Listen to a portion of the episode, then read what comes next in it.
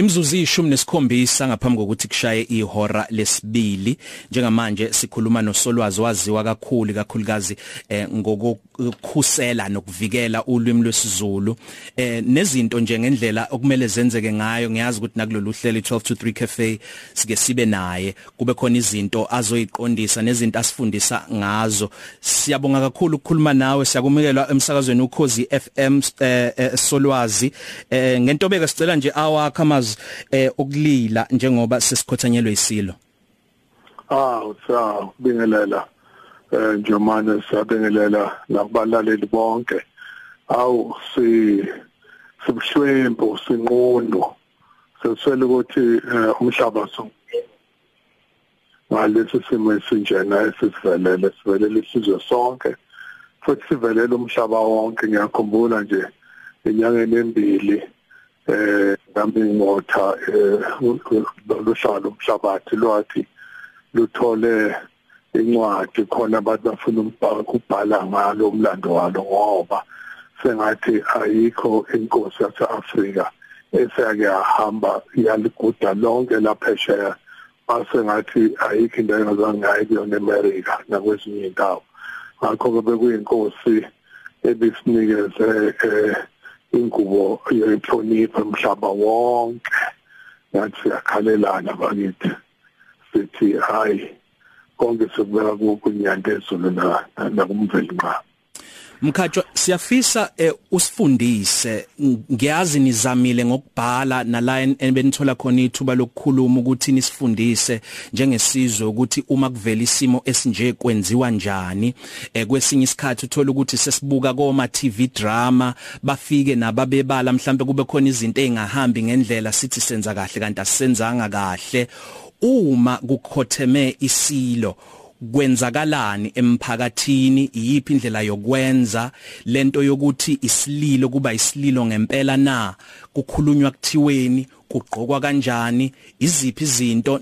Nokuthi nje sohamba mhlambe size sifike ekutheni izibongo zaso isilo ziyahaywa yini noma siyayidlala yini thina la njengomsakazi? Ngicela ukukunika nje lelo thuba. Oh hayi ngizonqampuna nje. Uma kuhambe isilo nje sikhotheme kusebenzise igama elihle lokuthi isilo sikhotheme. Em okokuqala phela uyazi ukuthi kudala sasingakhothami namhlanje isilo bese kwaziwa khona namhlanje futhi. Kwakuthatha isikhathi kade kumenyezela isilo sasesikhothemati sekuneviki sakhothama.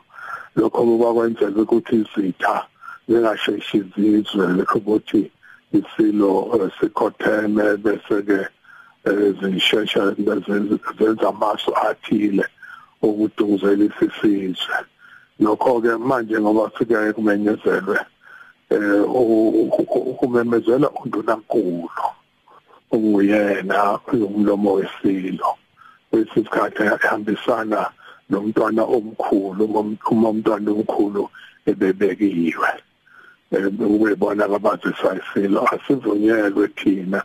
Ukusengamahlebezi uhambe sitshela abantu sekwenzeka ukuthi futhi ke akukhona ukutshela lokho ukuthi njengoba sekubhale emaphepha sekwenzeka ukuthi kukukhalelana sithi masibingelelana sikhalelane isiko lisho njalo. Akukhona nje ukuthi kufafaza izindaba cha ukulelelana. Masilelelana ke sililana ngenhliziyo nangezenzo. Asibi abantu abahamba imkhosi eh sijabule ngoba siyathi uqala kwakuzelwa kakhulu. Singenza nje isibonelo sesilo eh ilembe lapho kwazibe isikhathi eside sihanjelwe nje unina.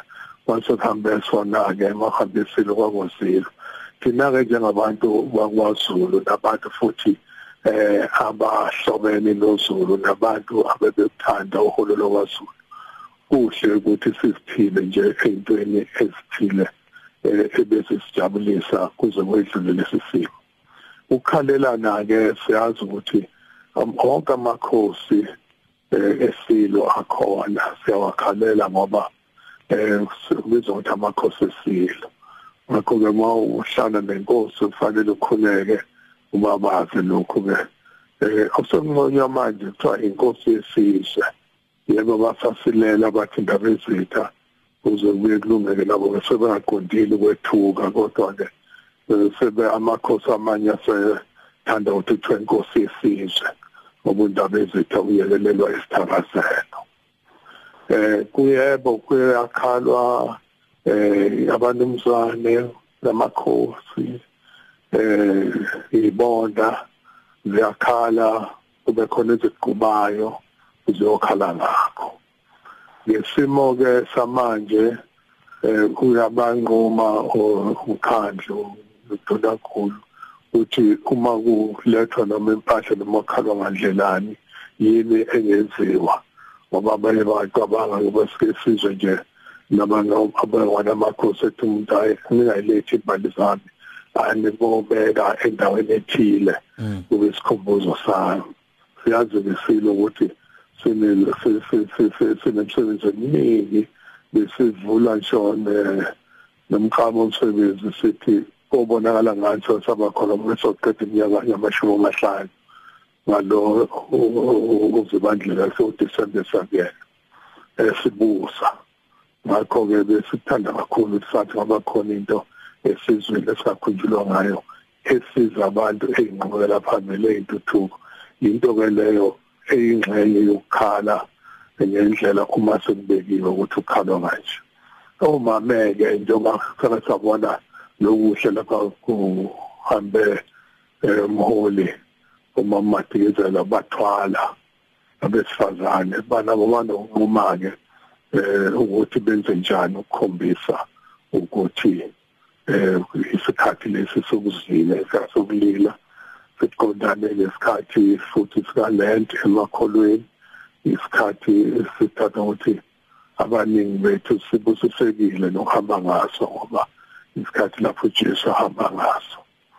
Eh lapha ke ma uyolelwa kuvamise kuphela kulela abantu abadala kulela abanomzwana abanomzwana bahambe ngamathimba abo bahambe ngegodi zabo eh bayahlala lapha ezinkulu belalela abantu abazolila eh baba balileke bese behamba lesimo sokuthi manje kukhona lendaba yamasiko noma inhlonipho uhulumeni ayifuna ukuyenzela amakhosi uyangena ke ongakazi ongavamisile wangenzeki ukuqala ngoba sokuba khona lendlela yokumhlonipha eh ongangezona ke emiswe uhulumeni. Em ngeke ke ngifike ezintweni eziningi kodwa eh isilo siyangena ebhoksini isilo futhi asisho thina ukuthi sishonile njengoba thina sethi sikhotheme. Kusekuqala ke ngoba abantu bawuthanda nomlando phela kwakuthi uma kuhamba inkosi bese kuba khona abanye bazoyiphelekezela kwakuba kabili abantu imvamisa bazi ukuthi kwakuhamba inyosi bese kuhamba nenxeku eh nabanye ke kodwa kwakuhamba eh nabanye abazinikelayo ukuthi sisazohlalelana emhlabeni bacele ukuthi bahanjiswe. Lokho ke akusenziwa lokho. Sekwe seku angithi ngiyakusenziwa. Isilo ke siyahaywa nangalapho nangalesi sikhathi inyosi lokhu ethandaze njalo njengoba inyosi ngisho noma isilo besesibhedlela zonke insuku fanele sihambe sowenza umthandazo. Ibongo zingumthandazo ukuthi kukhona uchaplain hapha wamakholwa enzokwakhe bese uthi inyosi ilokhishile ebandeni zonke insuku ikhuluma eh nabangasekho ikhuluma nabasingethe ingilosi eh zomdabu inyanga ezulu. Kubikwa kuzona ukuthi nakho sikulesi simo. Mhlambe ngake ngimeke lapho eh njomane lena lena zalile mkhatsho esifisa ukwazi lana ukuthi izibongo njoba usishila inyosi iyazihaya kodwa nanoma imuphi umuntu angazihaya na nala emsakazweni kwamukelekile ukuthi zidlalwe na? Hawu madlalwa ngenhlonipho hayi mina ngokwazi kwami zifanele impela zokuthandazo eh futhi uma bekwenzeka eh thina ke sisizwe mase nizidlala lapho ngesesimeni mhlambe njengasekhaya kufanele ngiyeke ngikwenzayo eh noma sesemotweni ke siye ukuxoxa umthandazo omkhulu lo.